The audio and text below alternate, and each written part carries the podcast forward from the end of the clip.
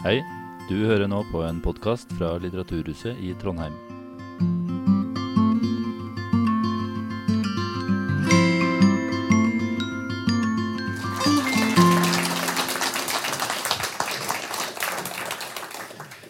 Takk for det. Jeg får vel begynne med makta, altså den på TV.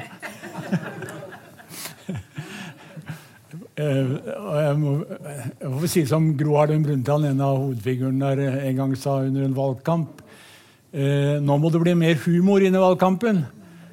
Og da sa Einar Førde da Gro sier det, da er det alvor. og en av de første episodene var jo Trygve Bratteli en prominent. Han var jo ikke bare der, men han var jo en veldig prominent eh, leder i Norge. Og Eh, jeg husker en historie som ikke har kommet fram der, men som sa mye om han, og som sier litt om politikken i dag også. Eh, og det var at Da han var samferdselsminister, så var det en eh, delegasjon fra et eller annet sted i Norge som ville ha penger til en, vei, en veistumt. da. Og Trygve på sin vanlige måte sa ingenting. Eh, og da de gikk ut, så så den delegasjonen alle ministerne og bildene av ministre som hang på veggen. Og så spurte delegasjonslederen hva vil du at skal bli, du skal bli husket for. da, Trygve? Så sier han eh, det er at han øh, lovte ingenting, og det løftet holdt han.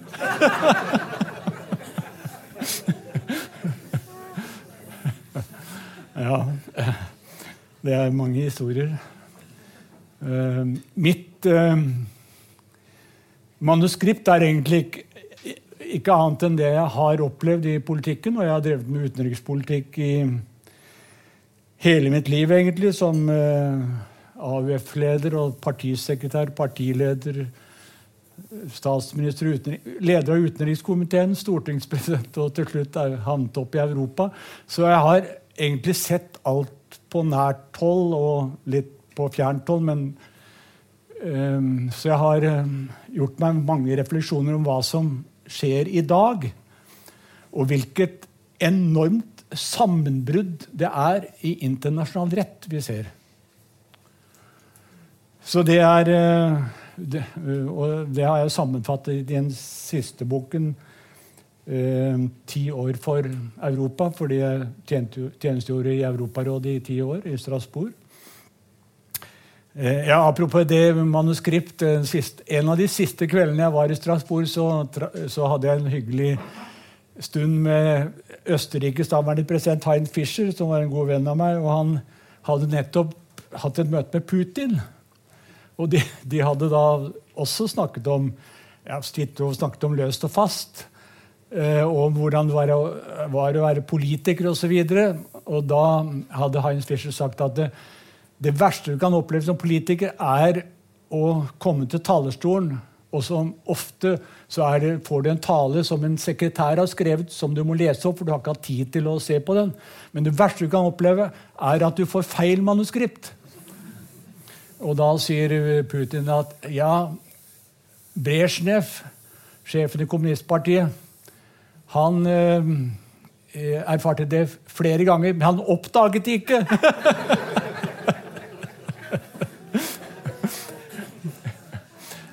Ja. Brezjnev skrev for øvrig også bok. Eh, og på det første møtet i sentralkomiteen så måtte alle si da hvor fantastisk denne boken var. Det var det beste jeg hadde lest noensinne. Og til slutt sa eh, Brezjnev eh, den boken tror jeg jeg må lese. Vel,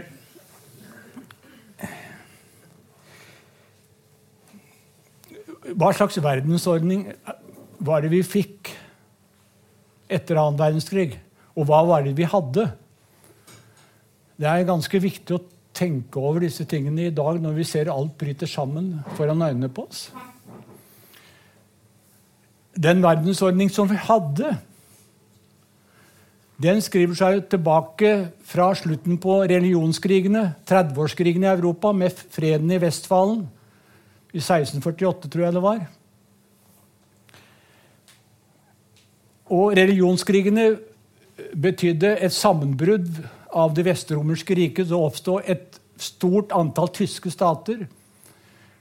Eh, det, Nederlandene løs seg vred fra det spanske imperium og ble en egen stat. Sveits ble egen stat. Så det ble nasjonalstatenes Europa som trådte fram etter freden i, i Vestfold. Og det var det som fredsavtalen gikk ut på.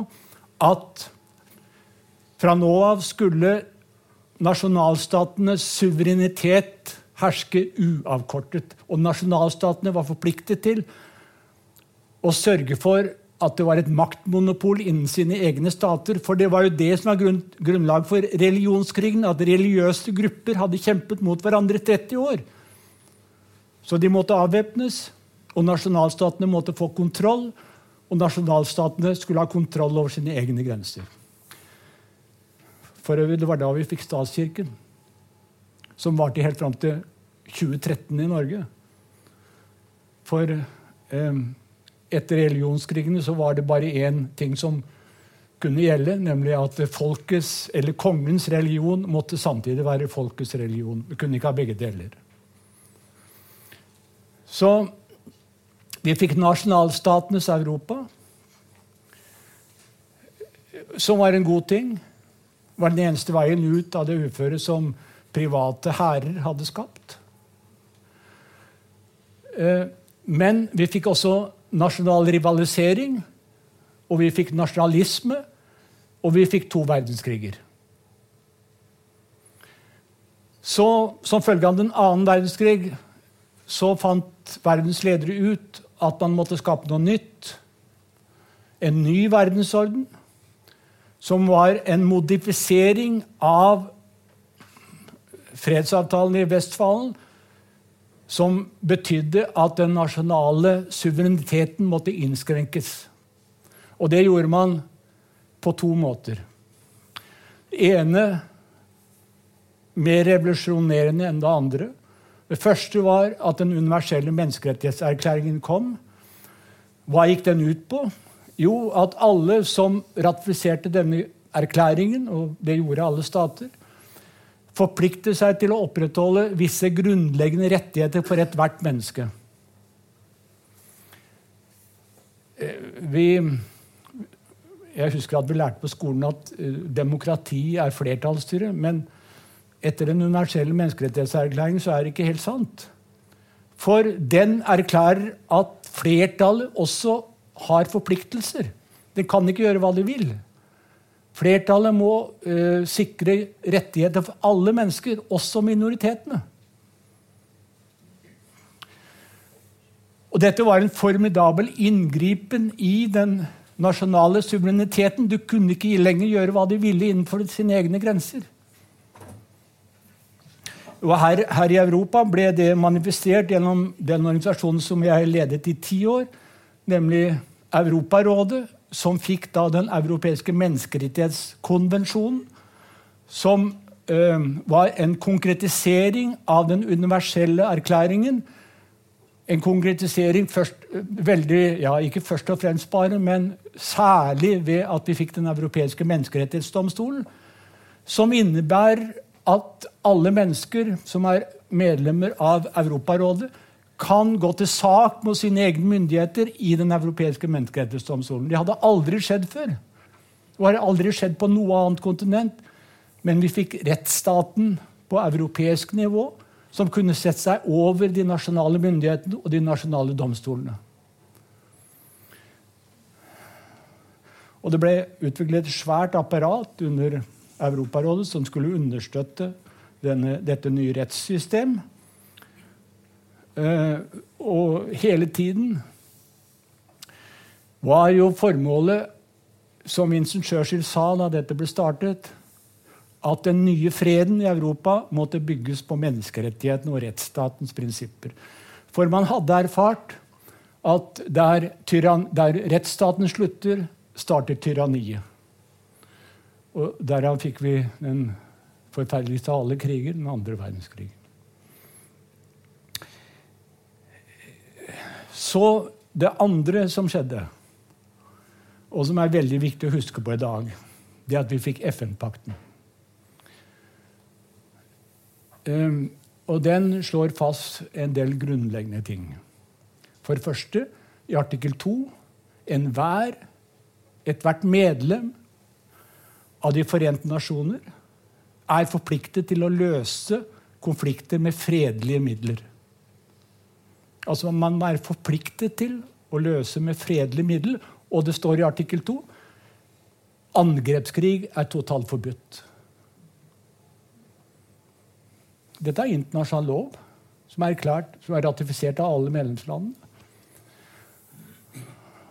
Og i kapittelet om Sikkerhetsrådet, som ble opprettet, så står det at de 15 medlemmene av Sikkerhetsrådet i artikkel 24 så heter det Og jeg skal gi dere teksten. Jeg er ikke prest, altså, men, men, men altså, det er viktig å høre på teksten. I artikkel 24 står det at Sikkerhetsrådets medlemmer har til oppgave å sikre fred og stabilitet i verden. Og de handler på vegne av alle medlemslandene. De fikk i oppdrag å handle på vegne av oss alle. Alle de som ikke var medlem av Sikkerhetsrådet. Og de fem som ble eh, tildelt vetorett i Sikkerhetsrådet, det var de fem atommaktene. Men de var under det samme regelverk som alle, alle de andre 15 medlemmene.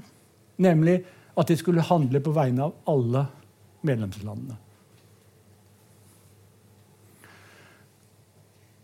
Og I artikkel 25 så heter det at medlemslandene forplikter seg til å gjennomføre Sikkerhetsrådets vedtak.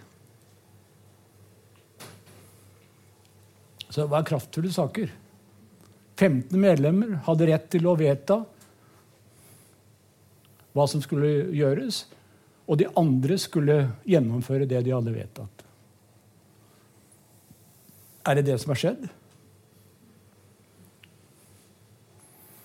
Har ikke Sikkerhetsrådets vetomakter mer og mer handlet på vegne av seg selv og sine egne interesser? Og har alle medlemsstatene gjennomført det som Sikkerhetsrådet har vedtatt? Jeg skal bare gi et eksempel. jeg skal komme tilbake til det. Men etter eh, seksdagerskrigen i 1967, der Israel okkuperte Gaza, Vestbredden Golanhøydene og eh, Sinai, så het det at Israel skulle trekke seg tilbake fra alle de okkuperte områdene. Det var enstemmig sikkerhetsrådsresolusjon. Det er 50 år siden. Det har ikke skjedd.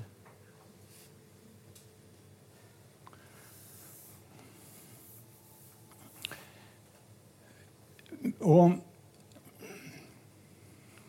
jeg skal nå holde meg til hva som har skjedd de siste 20 årene. Ja, det, ja, forresten, det er veldig viktig å være klar over at det, den universelle menneskerettserklæringen og FN-pakten er jo grunnstenene i internasjonal lov. Men vi har fått mange andre eh, internasjonale traktater som er like viktige ja, for, eh, Den første kom faktisk allerede før første verdenskrig, da etter, etter napoleonskrigene, da den eh, freds, store fredskongressen i Wien ble holdt i 1815. Og alle lurte på hva, hva skulle man gjøre med slaveriet. Det var svære diskusjoner, og mange sa nei, vi kan jo ikke bare avskaffe det. Det, liksom, det er en lang prosess, og det er ikke liksom bare å avskaffe over natten. Til slutt på siste dagen av fredskongressen i Wien så kom de som var der, til sans og samling og skjønte at det var ikke noen annen vei enn å forby det. Så det ble internasjonalt forbud mot slaveri, og siden har det vært forbudt. Etter første verdenskrig øh, og de uhyrlighetene som skjedde i skyttergravene ved bl.a. bruk av kjemiske våpen, så fikk vi det internasjonale forbudet gjennom en internasjonal traktat om at bruk av kjemiske våpen er forbudt å produsere, forbudt å lagre og forbudt å bruke. Det kom allerede før første annen verdenskrig. Etter annen verdenskrig så fikk vi en utrolig viktig traktat som i dag har stor betydning, men som undergraves av mange stater, nemlig FNs flyktningkonvensjon. Der sier det enkelt og greit at medlemsstatene har ikke anledning til å nekte et menneske som kommer til en lands grense, å få sin sak behandlet. Man har ikke, man har ikke rett til automatisk å pushe vedkommende tilbake. Dette er grunnpilaren i, i eh, internasjonal humanitærrett. Men hva skjer? Se på hva som skjer i Middelhavet. Se på hva som skjer mange andre steder. Folk bare pushes tilbake uh, uten at de får uh, lov til å få behandlet sine saker. Så FNs flyktningkonvensjon er uh, ikke død, men den undergraves dag for dag. På 60-tallet, og flere her husker, husker det hva som skjedde på 60-tallet, da, vi fikk uh, atomvåpenopprustningen uh, som atommaktene sto for, og atomprøvesprengning osv. Det var jo enorme dem demonstrasjoner over hele verden. Folk gikk til gatene. Og hva kom ut av det? Jo, at FN innkalte til uh, konferansen som lagde ikke-spredningsavtalen, nemlig forbud mot å Eh, spre atomvåpen. En annen grunnstein i internasjonal rett, som også supermaktene har eh, egentlig på en måte undergravd. For hva går den ut på? Jo, det er to enkle ting. Det ene var at de som hadde atomvåpen på den tiden, og det var vetomaktene i Sikkerhetsrådet. Kina, Russland, USA, Storbritannia og eh, Frankrike.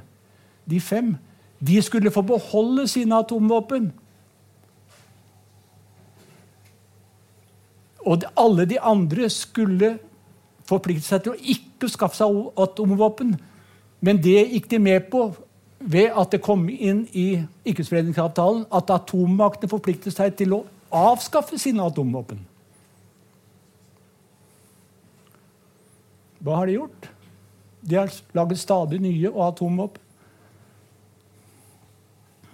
Det er en av grunnene til at medlemsstatene i FN, et flertall, nå har kommet fram til det som jeg støttet, og som jeg var med på å gi fredsprisen til, nemlig forbudet, et internasjonalt forbud mot atomvåpen, på linje med det vi har forbud mot slaveriet, forbud mot uh, kjemiske våpen.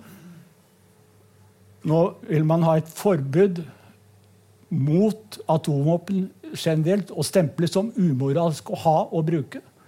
Og planlegge for å bruke. Et tilstrekkelig antall av FNs medlemsstater har ratifisert denne traktaten, slik at den er gjeldende internasjonal lov. Norge har ikke gjort det. Shame on you. Så internasjonal rett har utviklet seg gradvis eh, og satt stempel på mer og mer det som framstår som er umoralsk å være i besittelse av eller å gjøre seg bruk av. Så dette kommer i tillegg til de to stolpene, FN-pakten og universell menneskerettighetserklæringen. Så hva som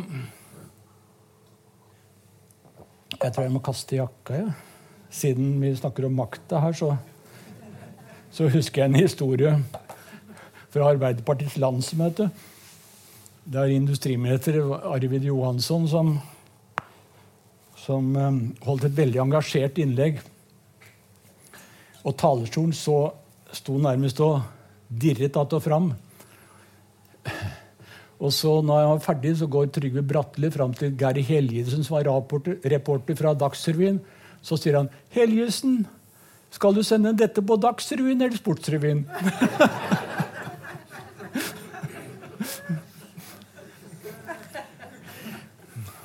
Hva har skjedd de siste 20 årene? Særlig de siste 20 årene. Det begynte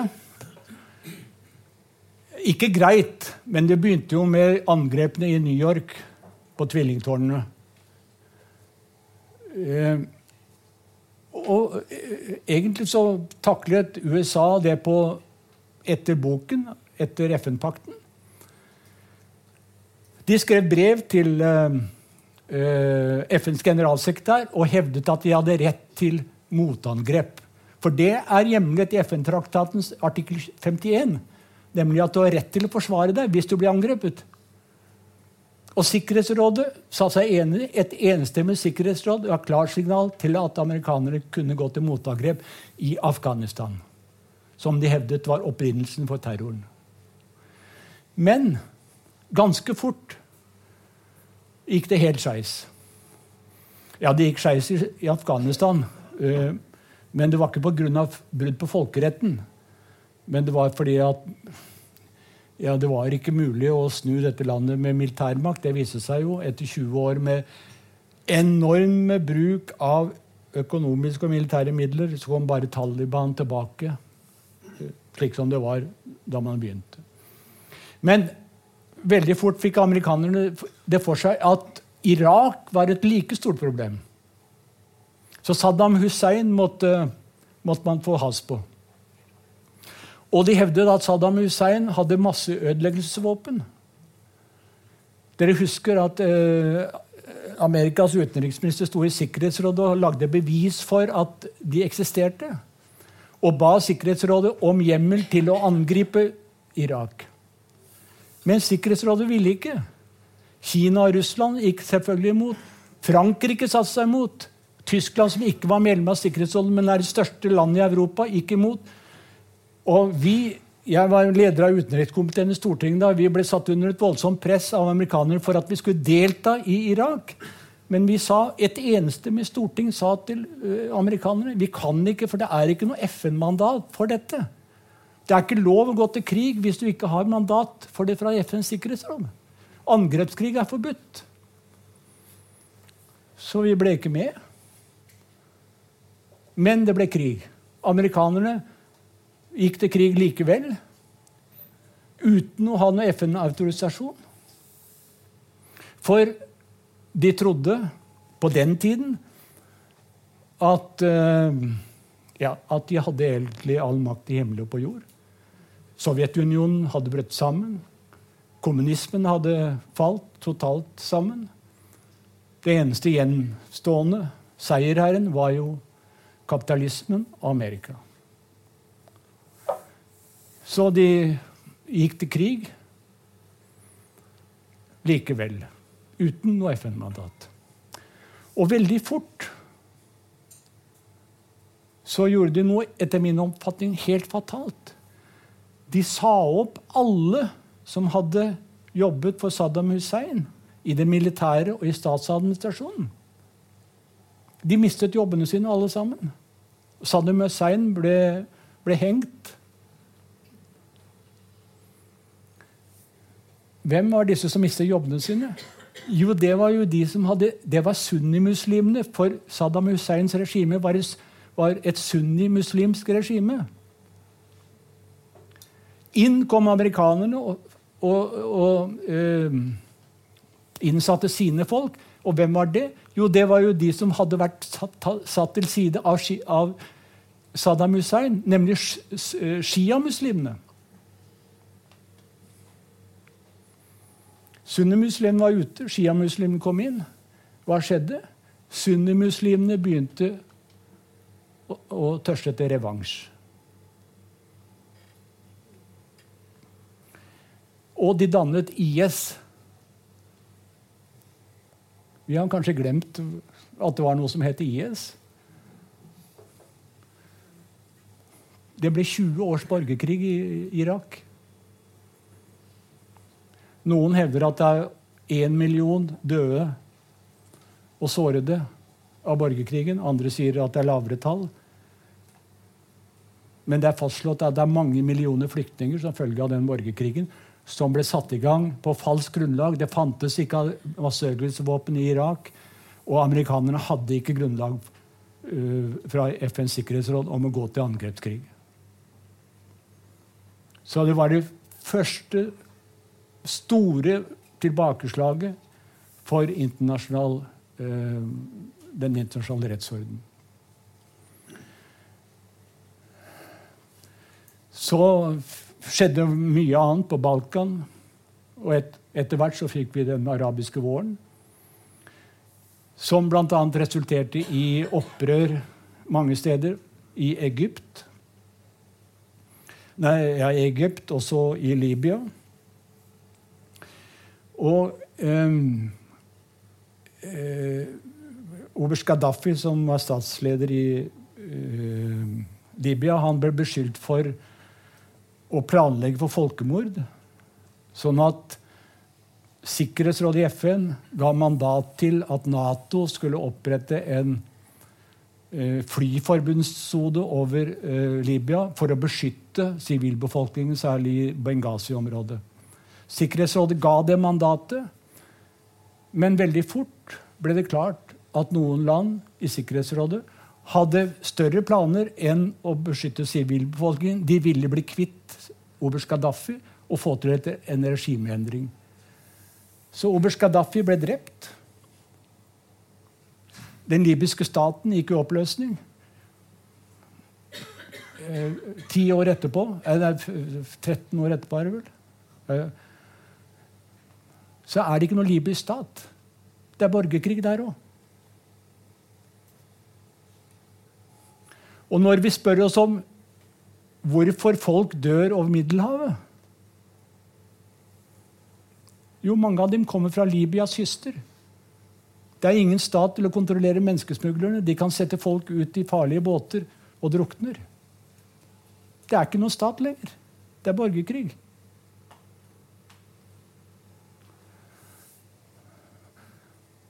Og de styrkene som oberst Gaddafi hadde til rådighet, som sikkerhetsstyrker. De kom i hovedsak fra Mali. De dro hjem til Mali. Hva er det der nå? Jo, det er borgerkrig. Og believe me Det store, farlige oppmarsjområdet for internasjonal terrorisme finnes på den siden av Sahara, det såkalte Sahel-beltet, der Mali er. Og det er kaos og borgerkrig over hele fløya. Franskmennene måtte forlate. Ble jaget ut.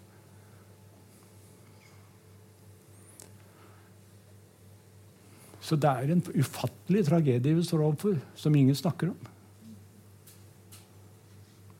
Siden man hevder at, man, at vi er forsvarere av internasjonal rett. Og så kom vi fram til den neste enorme tragedie, det som nå skjer i Ukraina og Midtøsten. Jeg så ikke bare dette på nært hold, men Ukraina var jo et medlemsland i Europarådet.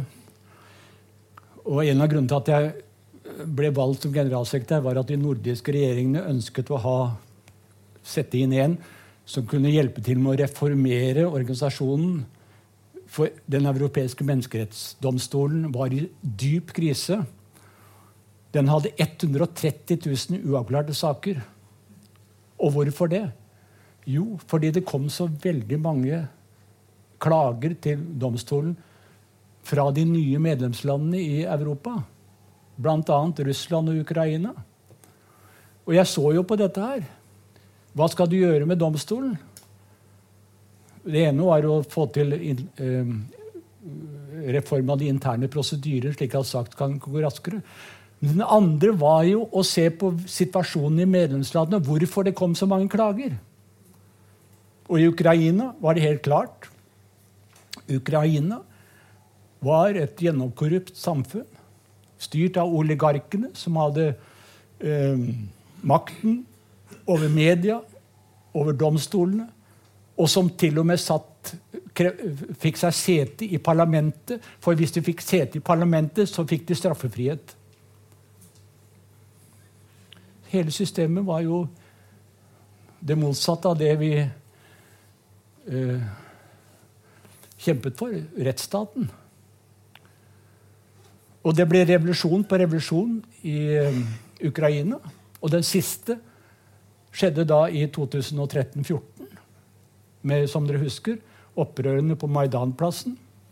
Der mennesker bare slo opp teltene sine, og det ble voldsomme demonstrasjoner som varte og varte og varte. Um, og til slutt brøt systemet sammen. Og det ble revolusjon.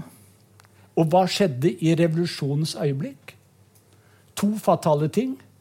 Det ene var at de nye makthaverne de vedtok i løpet av 14 dager vedtok de en lov i parlamentet som delvis fratok, men også reduserte den russisktalende befolkningen sine språklige rettigheter i Ukraina.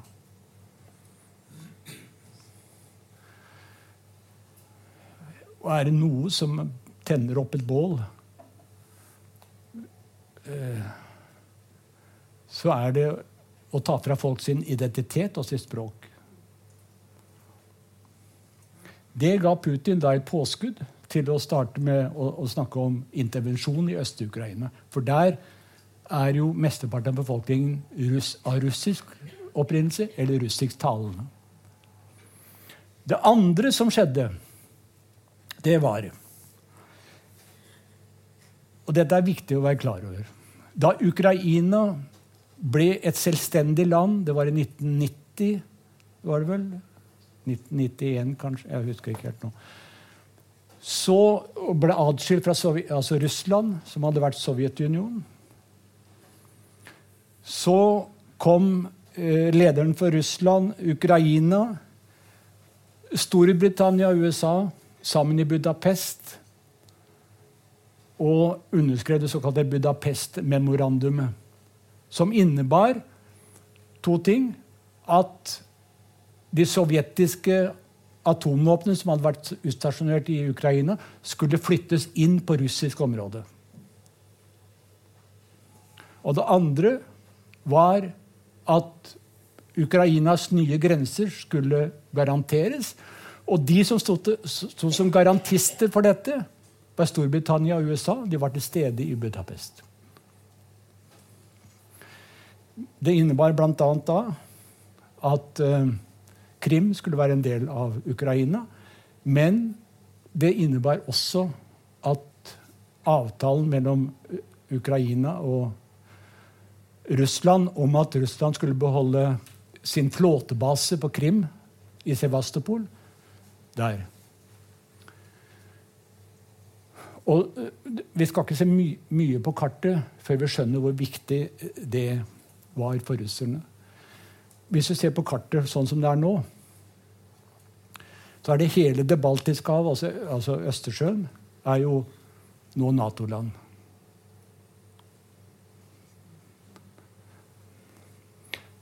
Uh, så har du Russland selvfølgelig, og den vesle enklaven Kaliningrad. Og, og, nå er hele Svartehavet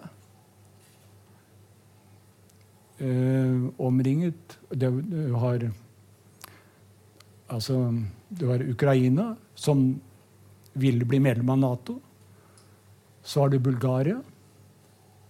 Så har du Romania, som er medlem av Nato. På andre siden har du Georgia som vil bli medlem av Nato. Midt i dette ligger Krimhalvøya, der eh, russerne har sin flåtebase i Sevastopol. Som en, var en avtale mellom Russland og Ukraina om at de skulle få beholde den. Men når revolusjonen skjedde da, Jeg vet ikke hva Putin tenkte, men han tenkte kanskje at de nye makthaverne ikke ville overholde den avtalen. Og det hadde han grunner til, fordi de som kom til makten, når den avtalen var oppe til behandling, så hadde de stemt imot den i parlamentet.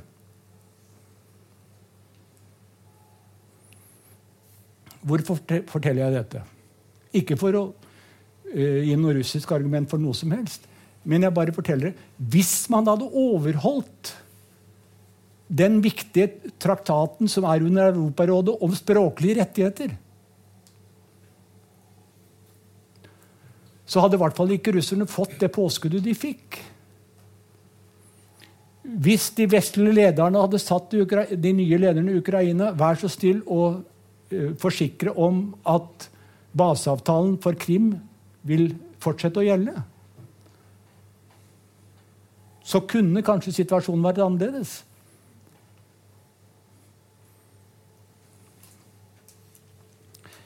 Og så skjedde ikke noe av dette. Så fikk vi russernes militære intervensjon i Øst-Ukraina. Og det ble dramatisk. Og da kom lederne for Tyskland og Frankrike, Angela Merkel, Francois Hollande ja, Først var de sammen, de var sammen i Normandie for å feire landgangen i 1944. Og der, mens krigen raste i Øst-Ukraina, så ble de enige om og Obama var der, Merkel var der, Hollande fra Frankrike, Putin var der. Alle var der. De ble enige om at de måtte innlede forhandlinger om å få slutt på krigshandlingene i Øst-Ukraina. Og de ble enige om det såkalte Normandie-formatet, som det ble kalt. Og I det skulle Tyskland, Frankrike, Ukraina og Russland delta. Amerikanerne ble utelukket, eller kanskje ikke ville være med. Storbritannia, som hadde stått som garantist for eh, Budapest-memorandum, ble heller ikke invitert. Jeg har forsøkt å finne ut av hva, hva, hvorfor dette idioti. Men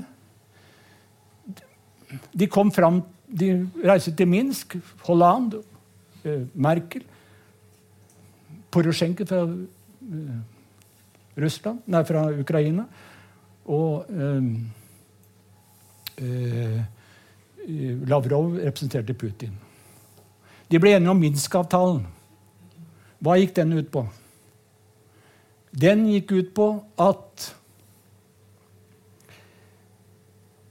de to utbryterrepublikkene skulle eh, bli en del av Ukraina, forbli en del av Ukraina, men de skulle få autonom status innenfor en ukrainsk føderasjon. Det var noe som vi i Europarådet hadde uh, kjempet for lenge, nemlig at Ukraina måtte desentralisere sin makt. Det var det mest sentralistiske landet vi hadde, hadde, uh, så i Europa.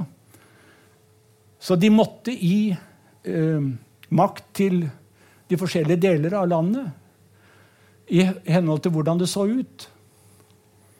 Så Minsk-avtalen gikk ut på dette, og at de to republikkene da skulle få en slags delstatsstat. Altså Det skulle bli en føderasjon på linje med Tyskland og Østerrike. kan du si. En statsføderasjon. Men det gikk aldri gjennom det ukrainske parlamentet. I stedet så vedtok man at man skulle bli medlem av Nato. Og førte det inn i Grunnloven.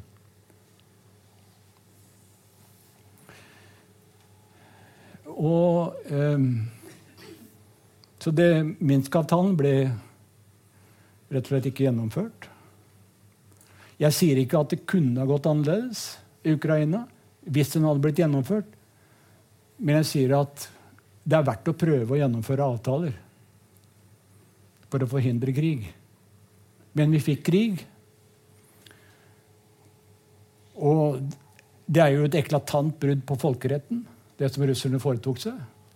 De spant opp en falsk begrunnelse, som amerikanerne gjorde for Irak. Nemlig at eh, nazistene i Ukraina var i ferd med å angripe Russland. De måtte lansere et forkjøpsangrep, og det var også det amerikanerne sa i, Irak.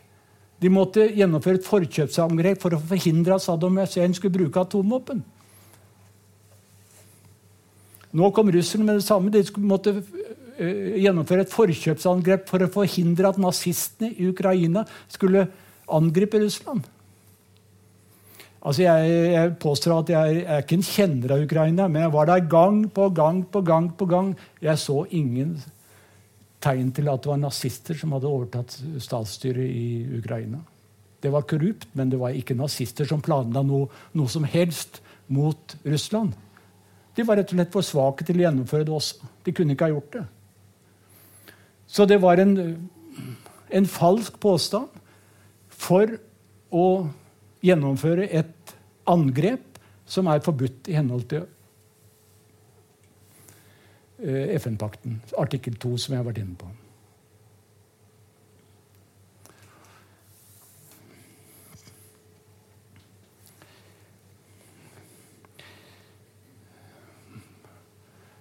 Så det er en forferdelig tragedie vi står overfor. At ikke Tenk, tenk dere dette her. Da Berlinmuren falt, så hadde vi en sjanse til å forene hele Europa. Gorbatsjov kom til Strasbourg og snakket om det felles europeiske hus. Europa fra Vladivostok til Lisboa. Eh, det ble snakket om at enten kunne Russland bli medlem av Nato, eller man kunne lage en ny sikkerhetsordning der alle var medlem. I stedet så er vi der vi er i dag, med full krig. Og det er jo åpenbart at mange kunne ha håndtert dette annerledes hvis man hadde holdt seg til internasjonale traktater og internasjonale avtaler. Så har vi fått Trump. Eh, vi hadde Trump. En av de første tingene han gjorde, var å si opp avtalen med Iran. Som eh, FN, EU, Russland og USA hadde inngått om atomprogrammet for, eh, atomprogrammet for Iran. Den sa han opp.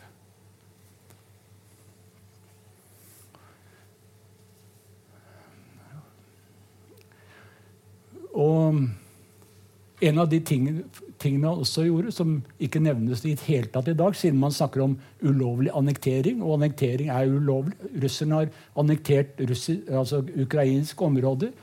Disse østlige republikkene annekterte dem bare. Først angrep dem, okkupert, og så annektert. Men Israel annekterte under periodene Trump Golanhøydene. De annekterte, Det er israelsk område under israelsk lov. Det er en del av Israel. President Trump godkjente det.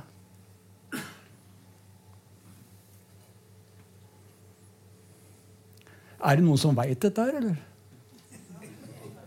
Hvor ille det har vært?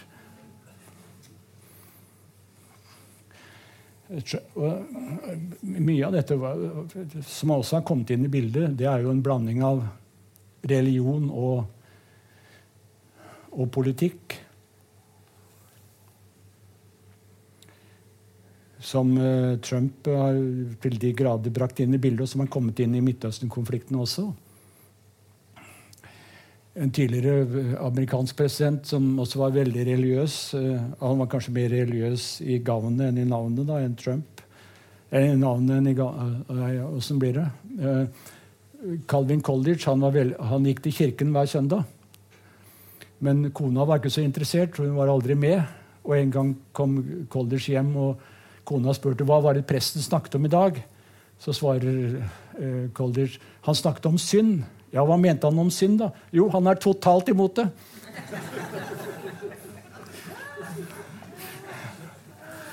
og det vi ser, er jo, for å si det som det er, det er religiøs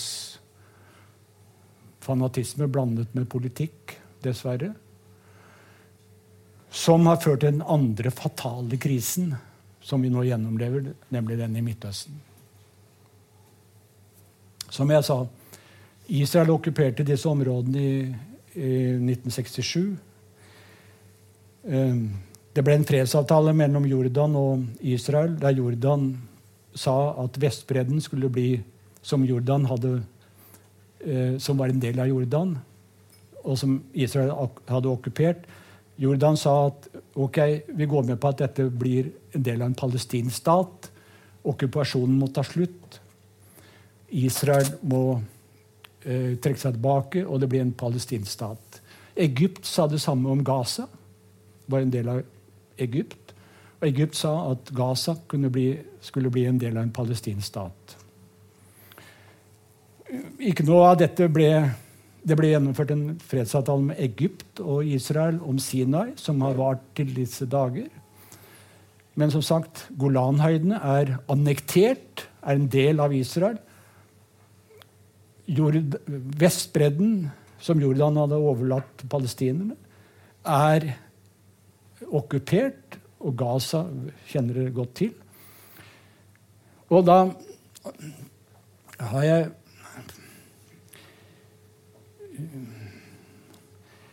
Det som vi ser nå, er jo egentlig at det er to parter som er drevet av religiøs fanatisme. Begge har det samme målet. Hamas har det samme målet som jeg vil kalle det høyresiden i Israel har, nemlig eh, et is Israel fra elva til havet, som det heter. Fra Jordanelven til Gaza, altså hele området. Hele området er vårt. Hamas har det samme i sitt program. Palestina fra elva til havet. Så de vil også ha hele området. Begge parter vil ha hele området. Så kommer Oslo-avtalen inn i bildet, som var et genuint forsøk på et territorielt kompromiss. Altså at det skulle danne to stater på dette området fra elva til havet.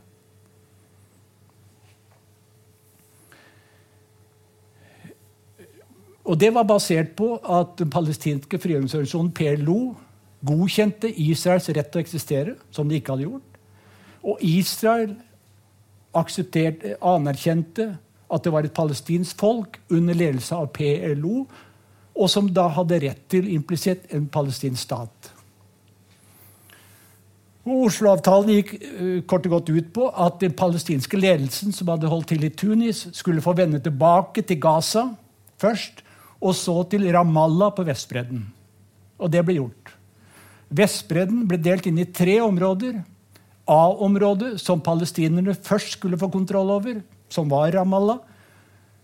Så B-området, som israelerne skulle trekke seg gradvis tilbake til eller fra. Og C-området, der bosetterne hadde etablert seg. Og de, dette C-området skulle det forhandles om. Hvor skulle grensen egentlig gå? Det var Oslo-avtalen. Saken var den at det, Da dette ble gjort, så var det noe sånn rundt 100 000 bosettere i dette C-området. I dag er det 850 000 som har sneket seg også inn på B-området. Så det er egentlig ikke noe igjen noe territorium til å danne en palestinsk stat. hvis man ser realistisk på det. Bosettingen har bare fortsatt og fortsatt, i strid med FN, i strid med Sikkerhetsrådets vedtak fra 1967 og i strid med Oslo-avtalen. Så det territorielle kompromisset som ble linet opp i Oslo, det ble bare undergravd. Først ved at Yitzhak Rabin ble skutt. Han som hadde skrevet under Oslo-avtalen. Av en israelsk eh, terrorist, må vi si. Og siden Og da har jeg bare lyst til å si hva avtaler betyr og ikke betyr. Så kom eh, Ariel Sharon inn som statsminister i Israel. Og han kom plutselig på ja, Ikke plutselig, men han sa Israel må trekke seg vekk fra Gaza. Må trekke seg ut. Ja, først hadde han, først hadde han jo eh, satt, satt, i gang den palestinske andre intifadaen ved at han marsjerte, som sikkert en del her husker, opp på tempelhøyden i Jerusalem med soldater og alt som var. Og tempelhøyden er jo det helligste stedet for jødene og for muslimene. På tempelhøyden så har vi klagemuren, eller vestveggen, som det heter. Hva er vestveggen? Jo, det er veggen til eh, tempelet som romerne ødela.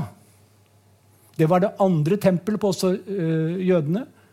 Det andre var, ligger på bunnen av tempelhøyden. Men vestveggen, klagemuren, der dere kjenner til den, det var muren til det andre tempel i Jerusalem som romerne ødela. Og i henhold til jødenes forståelse Så når Messias kommer De venter på Messias, men de kristne mener at han har kommet. Når Messias kommer, så skal jødene bygge det tredje tempel på muren av det andre tempel. Så dette er et fryktelig hellig sted for jødene. Men det er like hellig for uh, muslimene. På Tempelhøyden finnes Alaska-moskeen, som er den tredje helligste moskeen for muslimene etter de to i Medina og Mekka. Det heter i profetens ord at det var, var der han steg opp på Tempelhøyden, eh, på en stige opp til Gud i himmelen. Så, så Ariel Sharon foretok denne provokasjonen ved å gå opp på Tempelhøyden og si dette er vårt område. Som var helt i strid med Oslo-avtalen også, fordi den, i den sto det at det skulle dannes hovedst, hovedstaden for de to stater skulle være i Vest- og Øst-Jerusalem. Så det ble opprør blant palestinere. Eh, voldsomme opprør. Og da eh, nedsatte president Clinton og FNs generalsekretær en kommisjon på fem medlemmer, som jeg ble medlem av, for å anbefale hvordan man skulle komme seg ut av denne tragedien. Uh, og vi kom fram til anbefalingen som ble presentert for president Clinton og FNs generalsekretær. Eh, palestinernes president Yasser Arafat godtok det med en gang. Ariel Sharon også. Men han la til jeg vil gjennomføre denne avtalen kun hvis palestinerne holder fred i åtte dager. Det gikk ikke mer enn to dager før Hamas brukte sjansen til å skyte alt i, i senk. Så ble ingen, den ble ikke gjennomført i det hele tatt. Men så kom Ariel Sharon på tanken om at, skulle, at Israel måtte forlate Gaza. Og det ville han gjøre helt uten noen forhandlinger med de palestinske myndighetene som var etablert i Gaza. Alle bosetternes hus skulle ødelegges. Alle eh, tomatplantasjene skulle ødelegges. De skulle bare forlate, brenne alt. Jeg var med, formann i Sosialistinternasjonalens uh, Midtøsten-komité på den tiden. Og, flere ganger i, i da, og, sa, og, vi sa til de israelske lederne dette er jo galskap. Hvis dere forlater Gaza på den måten, ødelegger alt dere har bygget opp, ikke forhandler med de palske myndighetene, da kommer Hamas til å overta. For Hamas kommer til å si, som var motstandere i palske myndighetene de kunne si, Se der, de vil ikke engang snakke med dere. Men Ariel Sharon gjennomførte sin plan. Hamas kom til makten i 2006. I dag ser vi hva det er.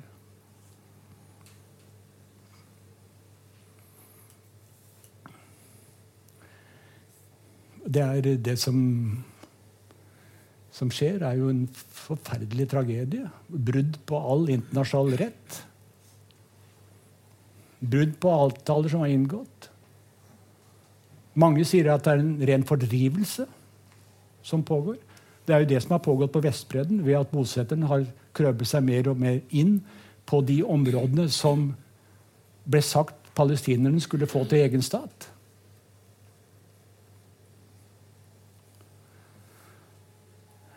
Så vi ser resultatet igjen av mangel på å holde seg til internasjonal rett og internasjonale avtaler og lover. Det blir krig. Det blir elendighet. Og det er den, jeg, jeg, jeg vil påstå at dette er den verste krise som verden har opplevd etter den annen verdenskrig. Som er uhyre farlig. Fordi det involverer så veldig mange parter. Og alle, alle på hver side sier at vi må seire.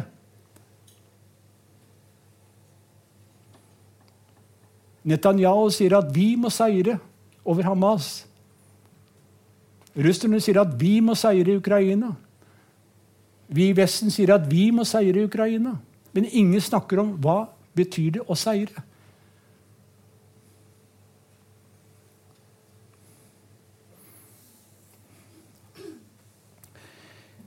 Jeg eh, vet ikke hva som er uh, løsningen på, på, dette, men under den kalde krigen så var det tross alt rasjonelle mennesker på begge sider som skjønte at de hadde et ansvar for at det, at det ikke gled ut. Og midt under den kalde krigen så fikk vi konferansen for sikkerhet og samarbeid i Europa, som holdt i Helsingfors. Ehm, som dannet grunnlaget for den tilnærming som skjedde mellom øst og vest. Jeg sier ikke at noe sånt kan skje mens vi er midt under en krig, men jeg sier at før eller siden så må man komme til hektene igjen og begynne å skjønne at, at man må begynne å prate sammen og se på at alle har legitime eh, interesser. Sikkerhetsinteresser og andre interesser som må ivaretas. Og Da har jeg lyst til å eh, slutte med en historie som gjorde veldig sterkt inntrykk på meg, som har satt seg fast i hodet mitt i alle år siden. For jeg var eh, leder for eh, styret i Den sosialistiske internasjonale, som Willy Brandt var president for. da. Han, som dere kjenner til, fikk jo han fredsprisen for denne tilnærmingen mellom øst og vest som hadde skjedd. Uh, blant annet pga. hans østpolitikk. Da. Men, så jeg møtte han flere ganger mens uh, forbundsrepublikken Tysklands hovedstad lå i Bonn. Det høres ut som en, en evighet siden. Men det er veldig greit å, å, å, eh, snakke til folk som husker hvem Brezjnev var. og, og, husker at eh, Forbundsrepublikkens hovedstad kom tilbake til Berlin pga. den sammensmeltingen som hadde skjedd. Så jeg møtte han flere ganger i Bonn. Og jeg husker en gang, Han likte å gjøre unna sakene ganske fort. og reise opp en restaurant overfor, oppe i Skogholt der eh, med blikk ned på Rhinen.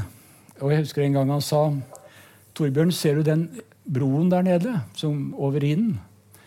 Det er den, eh, den eneste som var igjen eh, da de allierte styrkene kom fram til Rhinen i 1944.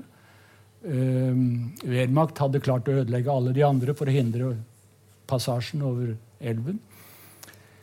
Så det var den eneste, og de allierte kunne komme seg over og marsjere videre mot Berlin. Så sier han følgende Hvorfor dette ragnarok? Hva, hva, hvordan kunne det skje?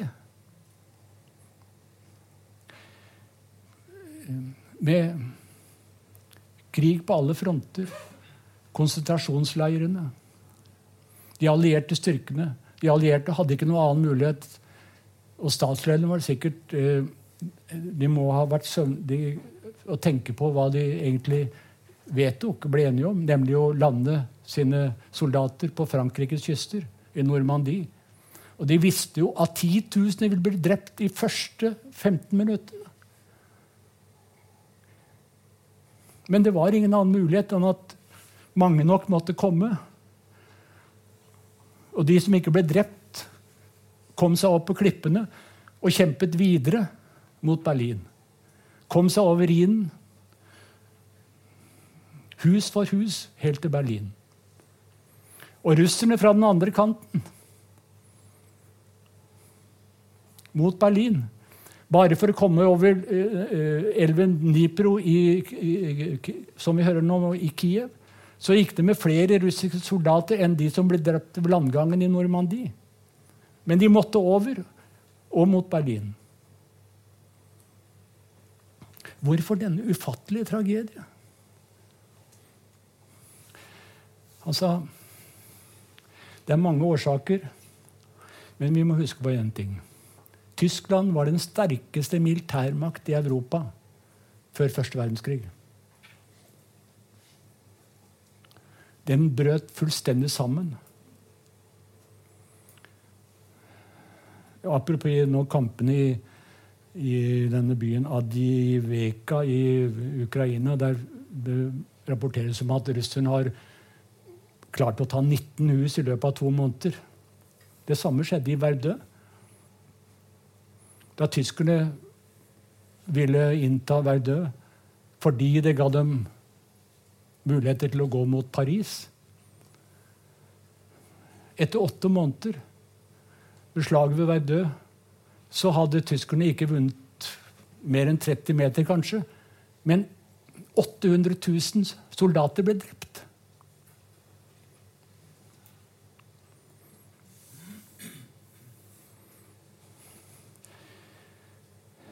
Så den tyske hæren, militæret, brøt sammen.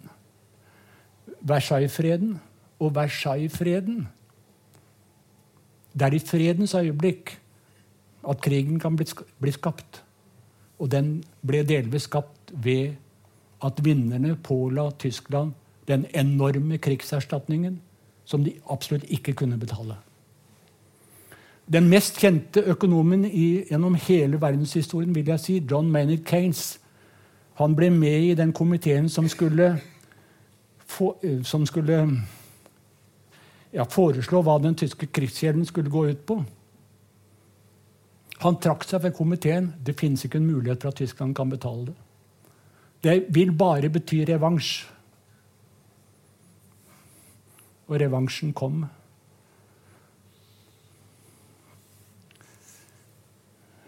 Og vi fikk denne ufattelige tragedien. Og så var det en annen ting i Tyskland.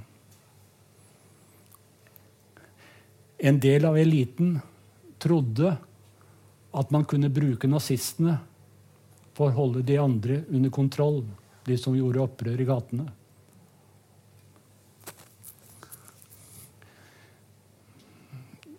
De mistet kontrollen over nazistene, og nazistene begynte å sende alle de som var imot dem, til konsentrasjonsleirene.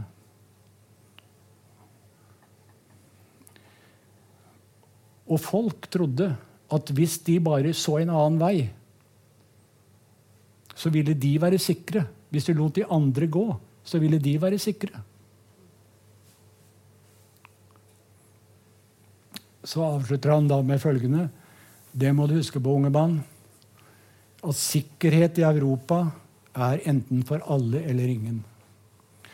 Og menneskerettighetene i Europa er enten for alle eller ingen. Hvis vi ser en annen vei, så bryter det hele sammen. Og det er dessverre mye av det som vi har skjedd. Vel, jeg takk for lydhørheten. Jeg har bare fortalt hvordan jeg har sett det og opplevd det. Og en gang jeg kom hjem eh, fra en utenlandsreise så traff jeg naboen, og han spurte hva vil du at skal stå på din gravstøtte. da, Torbjørn. Så jeg sa jeg hadde ikke noe forslag. Og så sa han jeg har et forslag. Eh, og det kan greit og enkelt stå. Han har i hvert fall vært noen steder. Takk for oppmerksomheten.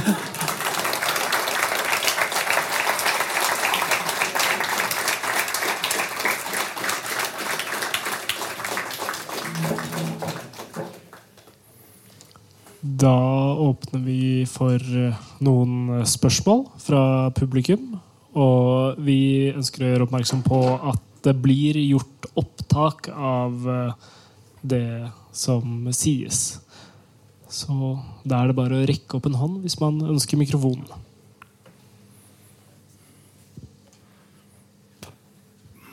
Ja, eh, Et begrep som man ofte hører i disse dager, brukt av vestmaktene, eh, er rules-based order, altså regelbasert orden, som en begrunnelse for sine hva skal jeg si, forhold til omverdenen. Og det ble ofte kritisert fra, av kritikere da, som et begrep som mangler reelt innhold. Har du noen synspunkter på det begrepet? Ja, altså jeg har jo for så vidt fortalt at bruddet på internasjonal rett og lov har skjedd fra mange kanter. Men det unnskylder jo ikke noe som noen av dem har gjort. Altså, Putin kan ikke begrunne USAs invasjon i Irak med eh, hva han gjør i Ukraina. Men jeg bare for, forklarer hvordan egentlig internasjonal rett er blitt undergravet, særlig av de som sitter som fikk ansvaret.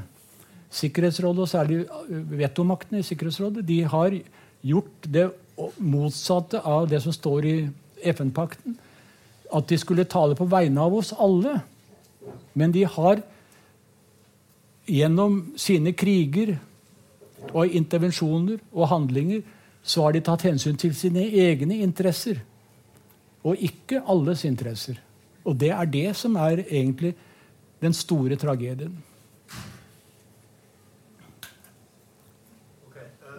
Først takk for et veldig interessant eh, foredrag. Eh, to spørsmål. Vi tar eh, Ukraina først. Har Putin og Russland noe som helst støtte i disse østlige republikkene? Uh, det andre gjelder Midtøsten. Um, hvis vi nå for å si det sånn, blir kvitt Netanyahu, da, eh, ser du noe sånn eh, mulighet for en kompromiss? Altså, Hamas behandles jo i vestlige medier som en homogen enhet, men det er jo litt mer sammensatt enn som så. Eh, er det noe håp i det hengende, det hengende snøret, for å si det sånn? da? Jeg hørte noen sa at det som mangler der, det er en, det er en Mandela. da. Og det må nødvendigvis være på den sterke siden, på den israelske siden. Ja, Når det gjelder hva som er tilfellet i de østlige provinsene i Ukraina, som Russland har ikke bare okkupert, men også annektert, så er det vanskelig å si hva som er situasjonen. Men det som er et faktum, er at i, det er jo i disse østlige provinsene i Ukraina at uh, befolkningen er i hovedsak av russisk opprinnelse eller russisk talende. Uh, og det samme er jo egentlig på Krim. da.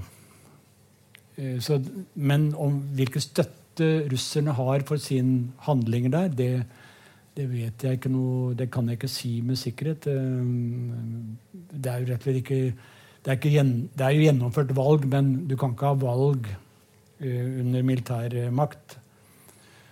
Så de sier egentlig ikke noen, noen ting. Når det gjelder muligheter for kompromiss i Midtøsten, så alle sier jo nå plutselig at man skal tilbake til tostatsløsningen. Jeg må si ja, Unnskyld meg, men det er nesten litt patetisk å høre på.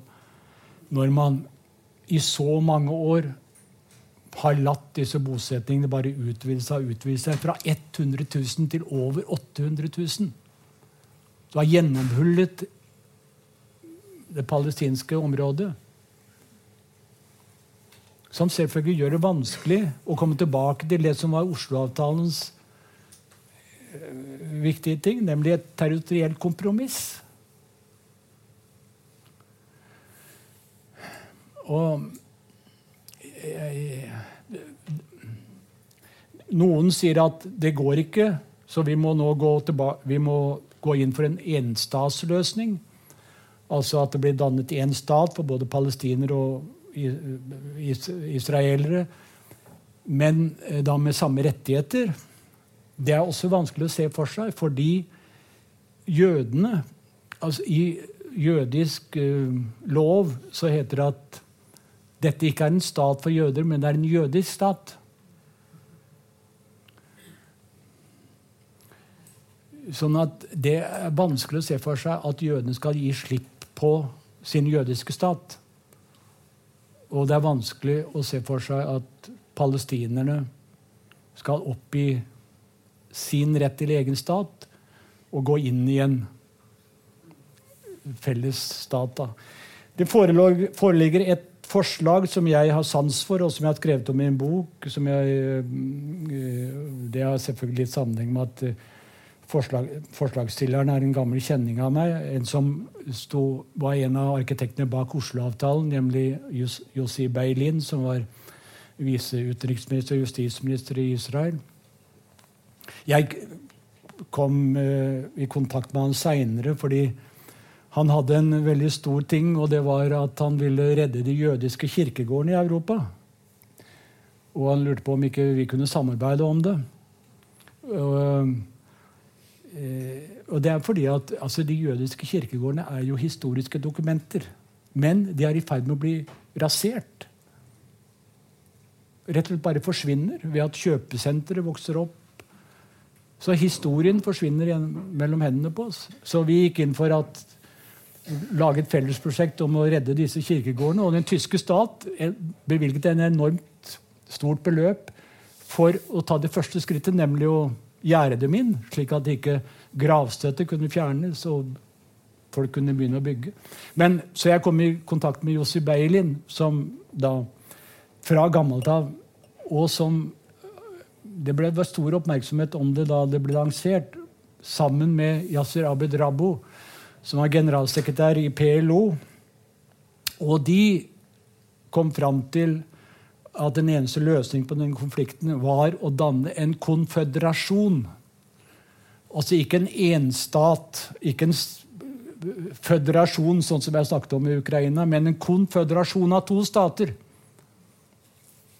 Med stor grad av indre selvstyre, men de måtte ha felles veldig mange ting. De måtte ha felles hvordan vannet skulle Det er av de, et av de absolutt største spørsmålene i Midtøsten. Hvordan skal vannet fordeles? Så de måtte ha samarbeid om sånne fundamentale ting innenfor en konføderasjon. Det ble kalt det såkalte Genéve-initiativet da det ble lansert. Og nå så jeg at en, en veldig framtredende israeler skrev en bred detaljert artikkel om dette i The, i The, The Guardian, den britiske avisen, der han også gikk inn for dette. Av, og Det var ganske bemerkelsesverdig at det spørsmålet kommer opp igjen som et alternativ da, til enten enstatsløsningen eller tostatsløsningen. Men det er jo vanskelig, det er jo umulig å snakke om sånne ting når alle snakker om å vinne.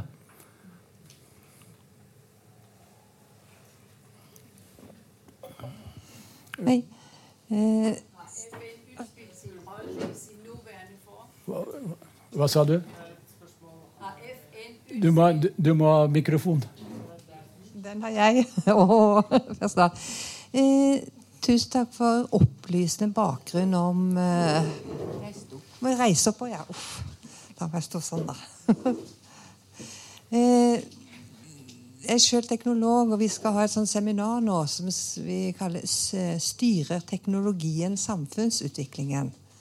Og Det ene spørsmålet som står, slår meg med en gang styrer media mye av samfunnsutviklingen?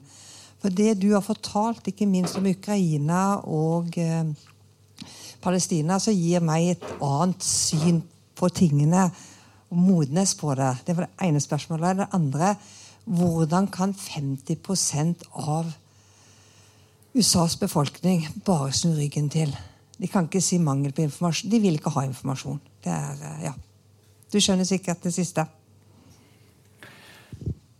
Ja, nei, altså Jeg tror ikke media styrer utviklingen, men jeg må jo si at det er eh, på alle sider så er det en ganske betydelig ensretting av formidling og hvem som kommer til orde det er ganske massivt i alle leirer nå. Så det er ikke så lett for uh, folk å danne seg nå. Hvem visste f.eks. at uh, Donald Trump stod, anerkjente annekteringen av Golanhøyden? Helt i strid med internasjonal lov.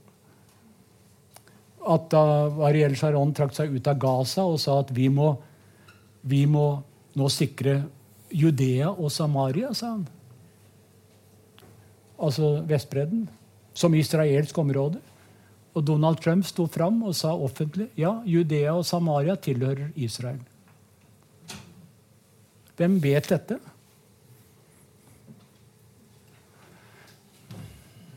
Når det gjelder hva som skjer der, i USA, så Jeg tror det er et resultat av det du er inne på det er et resultat av at vi har fått et samfunn der ingenting er sant, og alt er sant. Vi er i tvil om virkeligheten. Og i en sånn situasjon som kan så kan eh, politiske demagoger skape sin egen virkelighet og få oppslutning om det. Eh, det er ikke første gang vi har hatt sånne tilstander. Før, verdenskrig, før annen verdenskrig så hadde vi nazismen og kommunismen som tok i bruk ikke de samme formidlingsmetoder akkurat nå teknologisk, men det var akkurat det samme. Det var en, var en sammenblanding av propaganda og ideolo politisk ideologi. Nå har vi en sammenblanding av religion og eh, hardtslående sosiale medier, som Trump benytter seg av. Han skaper sin egen virkelighet. Og samme hva han finner på, så har han i hvert fall 30% Så det er jo en eh, ganske farlig situasjon. Hvis han skulle komme til makten. Og så har vi Putin i Russland, som, eh, som skaper sin egen fiksjon.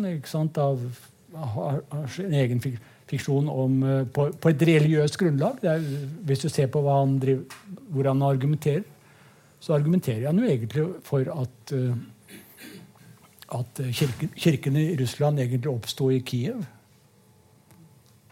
Og den ortodokse kirken støtter helhjertet opp om militærkrigen i Ukraina. Så vi har to fenomener på hver side. Og det fyres opp i alle leirer. Så det er ikke lett å snakke fornuft.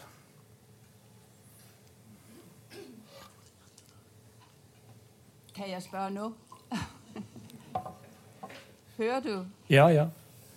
Takk for et utrolig interessant sammenfatning av alt som skjer. Det er vanskelig å, å fatte. Men jeg har hørt Kjell Magne Bondevik har sagt at FN på sett og vis har utspilt sin rolle i sin nåværende form. Hva, hva syns du? Hva mener du? Det han sier, er vel at Sikkerhetsrådet må reformeres. Og at andre deler av verden må bringes inn i Sikkerhetsrådet. For hvis du ser på vetomakten i Sikkerhetsrådet, de fem, det er jo seiersmakten fra annen verdenskrig. Pluss Kina. Og det stemmer ikke overens med hvordan verden er i dag. Men jeg mener Jeg er enig med han i det. Men det hjelper ikke å bringe inn India og hva skal jeg si, Sør-Afrika eller hvis de samme hvis nye land har akkurat den samme oppfatning av rollene i Sikkerhetsrådet, nemlig at de kan bruke det som skjold for å bare gjennomføre sin egen politikk. Så jeg mener i grunnen at små og mellomstore land i verden de bør gjøre, begynne å gjøre et opprør mot Sikkerhetsrådet. Akkurat som vi gjorde et opprør mot atommaktene på 60-tallet, og vi fikk ikkespredningsavtalen.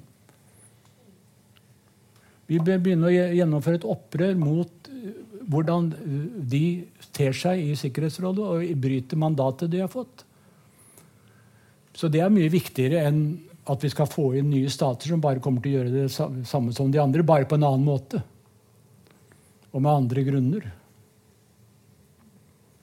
Og jeg, for å si det sånn som det er, jeg tror jo at Europa er nødt til å spille en rolle i dette her og at EU er den som må ta på seg den oppgaven. Å være det rasjonelle og fornuftige elementet i å gjenreise respekten for en internasjonal rettsorden. Og vi må huske på én ting, siden nå Donald Trump truer oss. EU-Europa er 450 millioner mennesker. Amerikanerne er 350. 100 færre. Hvis EU-Europa klarer å aksle rollen som den egentlig burde gjøre, som den siviliserte forsvaret av rettsstaten, så ville disse 450 millionene mennesker være tredje største staten i verden etter Kina og India. Større enn USA.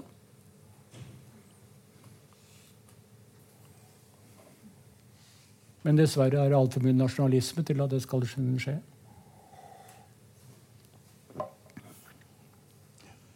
Ja. eh, 2024, unnskyld, eh, 2024 er et ganske interessant år. Eh, Det er mange valg rundt omkring i eh, verden. Eh, Noen påstår at vi står i en sånn tid hvor det er eh, demokratiene mot eh, autokratiene.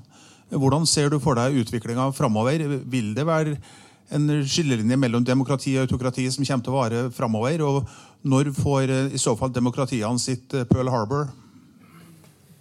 Altså, det, det har jo hele tiden vært et skisma mellom autokratiene og demokratiene.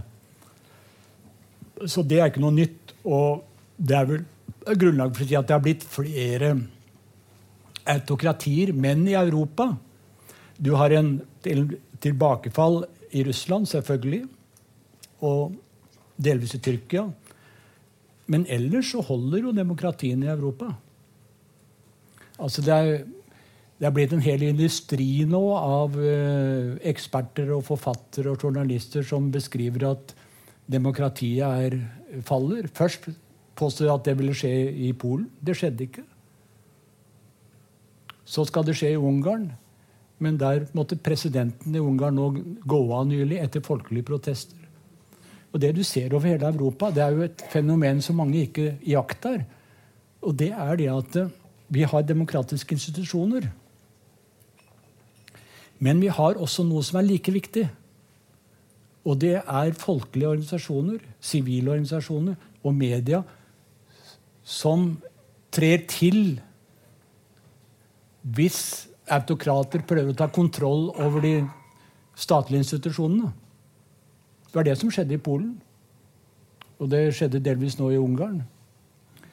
Sånn at uh, dette, dette nettverket av sivile organisasjoner, lokalt demokrati og oppegående journalister er, kan, det er det viktigste forsvaret vi har for demokratiene. og det jeg ser, jeg ser at det er altså Le Pen er på frammarsj i Frankrike, AFD i Tyskland. Men, men, ja, men husk på én ting. AFD i Tyskland har 20% de andre har 80 Men det skrives om at 20% er flertallet. Det er jo ikke det.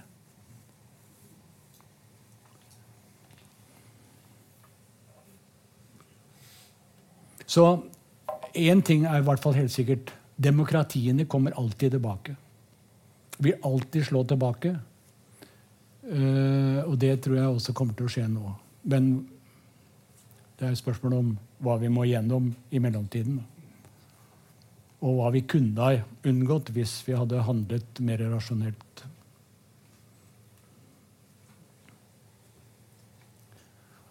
Ja. Hvor er mikrofonen? Uh, av det du har vært med på uh, i din karriere, hva er du mest fornøyd med å ha oppnådd internasjonalt? Eller i det hele tatt? Nei, det er uh, uten tvil at jeg sto i spissen for redningsaksjonen av Den europeiske menneskerettighetsdomstolen. Ved at vi fikk igjennom da jeg kom inn i bildet, så hadde Russland nektet å ratifisere den tilleggsprotokollen som gjorde det mulig å reformere prosedyrene i domstolen. De hadde nektet på dette i seks år. Uh, uten det kunne det ikke skje noen reform uten at de ratifiserte. Så veldig fort uh, fikk vi til en avtale med Russland om at de ratifiserte, og da kunne reformene begynne i medlemslandene. Og vi fikk gjennom store reformer i medlemslandene som innebar at strømmen av klager til domstolen avtok, slik at domstolen egentlig ble reddet. Den kom ut av den uh, situasjonen som var. Og det tredje som, som, er viktig, det var at vi fikk til en avtale mellom alle de 47 medlemmene av Europarådet og EU-kommisjonen at EU skulle slutte seg til Den europeiske menneskerettighetskonvensjonen. Sånn at Det var noe som EU hadde innført i sin egen Lisboa-traktat om at det skulle skje, men ingen fikk det til. Men det fikk vi til. Eh, så det syns jeg var en veldig stor ting, men det, alt dette er jo, kan jo rett og slett eh, ja, undergraves av all den nasjonalismen som vi nå ser rundt omkring i, i Europa.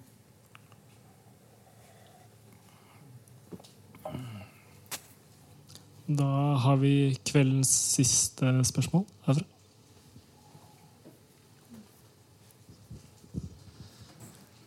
Ja, Den avtalen fra 1991 om ukrainsk suverenitet, den skrev vel Russland under også? Ja. Har Putin uttrykt noe om den avtalen? Ja, det har han. Han har sagt at den avtalen ble skrevet under av USA og Storbritannia, men at særlig USA da etter hvert fikk nye presidenter som ikke respekterte avtalen, og som som, under, som, ja, som, som det, det, skal han angivelig ha sagt til president Clinton. Og han, og han, uttrykte jo dette også da i 2008 på denne berømte foredraget i München, sikkerhetskonferansen der, der han sa at uh, denne utvidelsen av Nato uh, og, som skulle også in inkludere Ukraina, skulle være et brudd på Budapest-memorandumet. Jeg tar ikke stilling til det, jeg bare sier hvordan det er, og som president Clinton har um, opplyst om. Så hele tiden har jo dette spørsmålet om ukrainsk Nato-medlemskap vært liksom det store for, for, Russ, for Russlands da, men like mye etter hvert for Ukraina på motsatt flanke.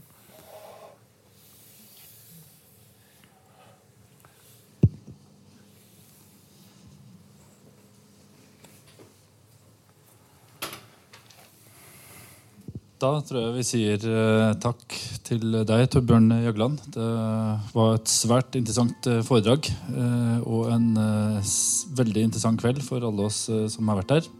Eh, som jeg sa innledningsvis, så, så, har vi noen få bøker til salgs dersom det er noen som kan ha interesse av det. Så det er mulig at du også blir sittende en liten stund dersom det er noen som har oppfølgingsspørsmål. Men iallfall så er det litt boksalg her, og så sier jeg nok en gang tusen hjertelig takk for at du stilte til et veldig interessant foredrag. Takk.